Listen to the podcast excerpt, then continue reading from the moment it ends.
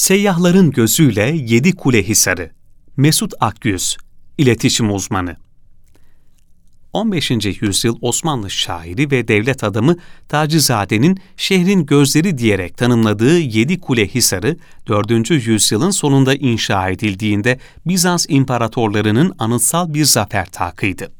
İstanbul'un fethinden sonra Fatih Sultan Mehmet tarafından mevcut sur sisteminin iç kısmına 3 adet kule eklenmesiyle bir iç kale halini aldı ve sur içi İstanbul'un ilk askeri yapısı oldu. Yedikule Hisarı tarihi boyunca ganimetlerin saklandığı hazine binası, hapishane, hayvanat bahçesi, kız sanat mektebi, fişekhane, müze gibi farklı işlevlerde kullanılmış, her dönem yabancı seyyahların ilgi odağı olmuştur. Osmanlı'nın son yüzyıllarında Rusya ile ilişkilerin yoğunlaşması nedeniyle şehirlerin sultanı İstanbul'u birçok Rus seyyah ziyaret etmiştir. Bunun çeşitli sebepleri olsa da özellikle Rus aydınları arasında İstanbul'u ziyaret etmek bir ayrıcalık kabul ediliyordu. Bilhassa 17. ve 18. yüzyıllarda süregelen Osmanlı-Rus savaşları esnasında teamüller gereği Yedi Kule Hisarı içindeki zindanlarda misafir edilen Rus elçilerinin Yedi Kule ile ilgili anlattıkları Rus kamuoyunda buraya karşı bir ilgi uyandırmıştı. Gelin Yedi Kule Hisarı hakkında notlar alan iki Rus seyyahın yazdıklarına nazar edelim. Vladimir Petrovich Davidov, Avrupa'da eğitim gören Rus asilzadesi Davidov, 1835 yılında İstanbul'u da içine alan bir doğu seyahatine çıkmış ve seyahatlerini Davidov 1840 ismiyle kitaplaştırarak Edinburgh Üniversitesi'nden saygın bilim adamı ödülünü almıştır. Seyyah, İstanbul gezisi boyunca üst düzey devlet adamlarıyla yakın ve iyi ilişkiler geliştirmiş, hatta yabancı ziyaretçilerin çok zor elde ettikleri sultanı yakından görme şansına erişmiştir. Davidov, Yedi Kule ile ilgili şunları yazmaktadır. Surları seyretmek ve özellikle meşhur Yedi Kule'yi gözlemlemek için tarihi şehir surları yakınında şehirden çıktık çeşitli devirlerde bir kısmı Büyük Konstantin tarafından, bir kısmı ise Haçlı seferleri sırasında yapılmış olan şehir surları artık şehrin muhafazası için hiçbir önemi kalmasa olağanüstü bir manzaraya sahip olup etrafındaki hendeklerden fışkıran yeşilliklerle süslüdür. Şehre 12 kapıdan giriliyor. Yedi Kule Zindanı ilk başta surların Marmara Denizi ile buluşan köşesini savunmak maksadıyla inşa edilmiştir. Etrafı büyük ve görmeye değer harabe yığınları ve topraklarla çevrili bu harika kaleyi sadece dışarıdan gördüğüm için ayrıntılı bir biçimde tasvir edemiyorum. Şimdilerde sık sarmaşıklarla kaplı ancak kendi türünde zengin mimari yapılardan biri sayılan bir zamanların meşhur altın kapısını zor da olsa görebildim kalenin diğer kapılarının o kadar tarihi olmadığını söylediler. Cevahir pazarının kapılarında görülen kartal kabartmasının aynısı burada da mevcut. Yedi kule şimdilerde hapishane olarak hizmet vermiyor. Hatta özel kişilere ait evler yapılmış durumda.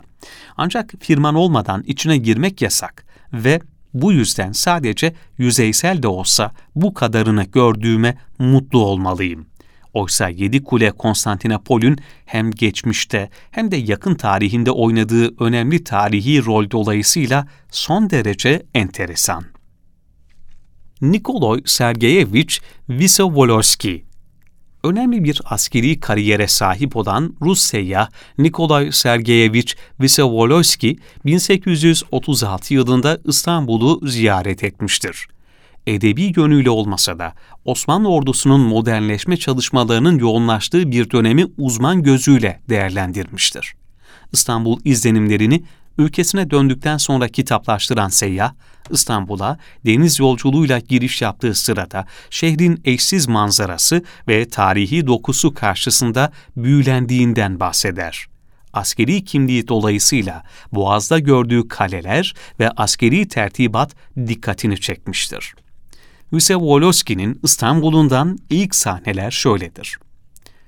Şehrin bu azametli manzarası onu ilk görenlerde şaşkınlık ve hayranlık doğuruyor.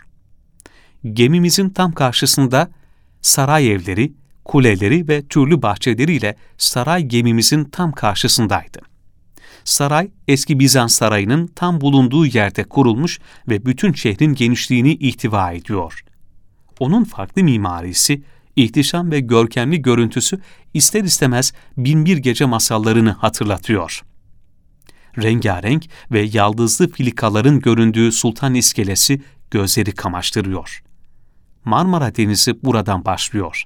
Tam olarak saraydan itibaren sağ sahilinden Yedi Kule zindanına kadar şehrin eski surlarının uzandığını görürsün. İstanbul'a daha önce de beş kez gelen Visevoloski bu sefer seyyah olarak Yedi Kule Hisarı ile özel ilgilenmiş. Burayı gezi rotasına ekleyerek gezmek için izin çıkarttırmıştır. Yedi Kule Hisarı'nı ayrıntılı şekilde inceleyen Visevoloski, yapının tamamını gezerek deniz tarafındaki sur kapıları hakkında bilgi vermiştir. Edi Kulya'dan yani Yedi Kule'den ilki Türkler tarafından Granatni, Narlev Kapı olarak adlandırılıyor.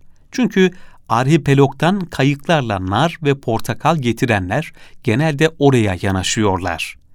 İkincisi Pesochnia, Pesamatia kapısı. Bu söz Greklere ait. Psamatos'tan geliyor.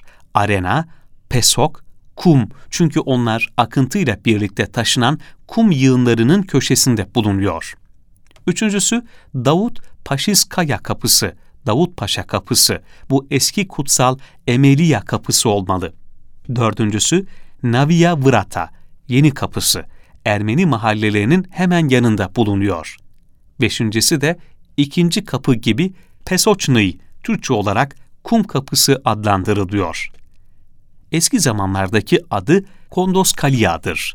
Altıncısı Türkler tarafından Tışatladi kapı diye adlandırılıyor. Yedincisi Konyuşenlıya, Akur kapısı, ahır kapı diye adlandırılıyor. Sultanatları için gerekli şeyler bu kapıdan getiriliyor. Sarayı çevreleyen sur bu kapıdan başlıyor ve Yalı Köşkü'nde bitiyor.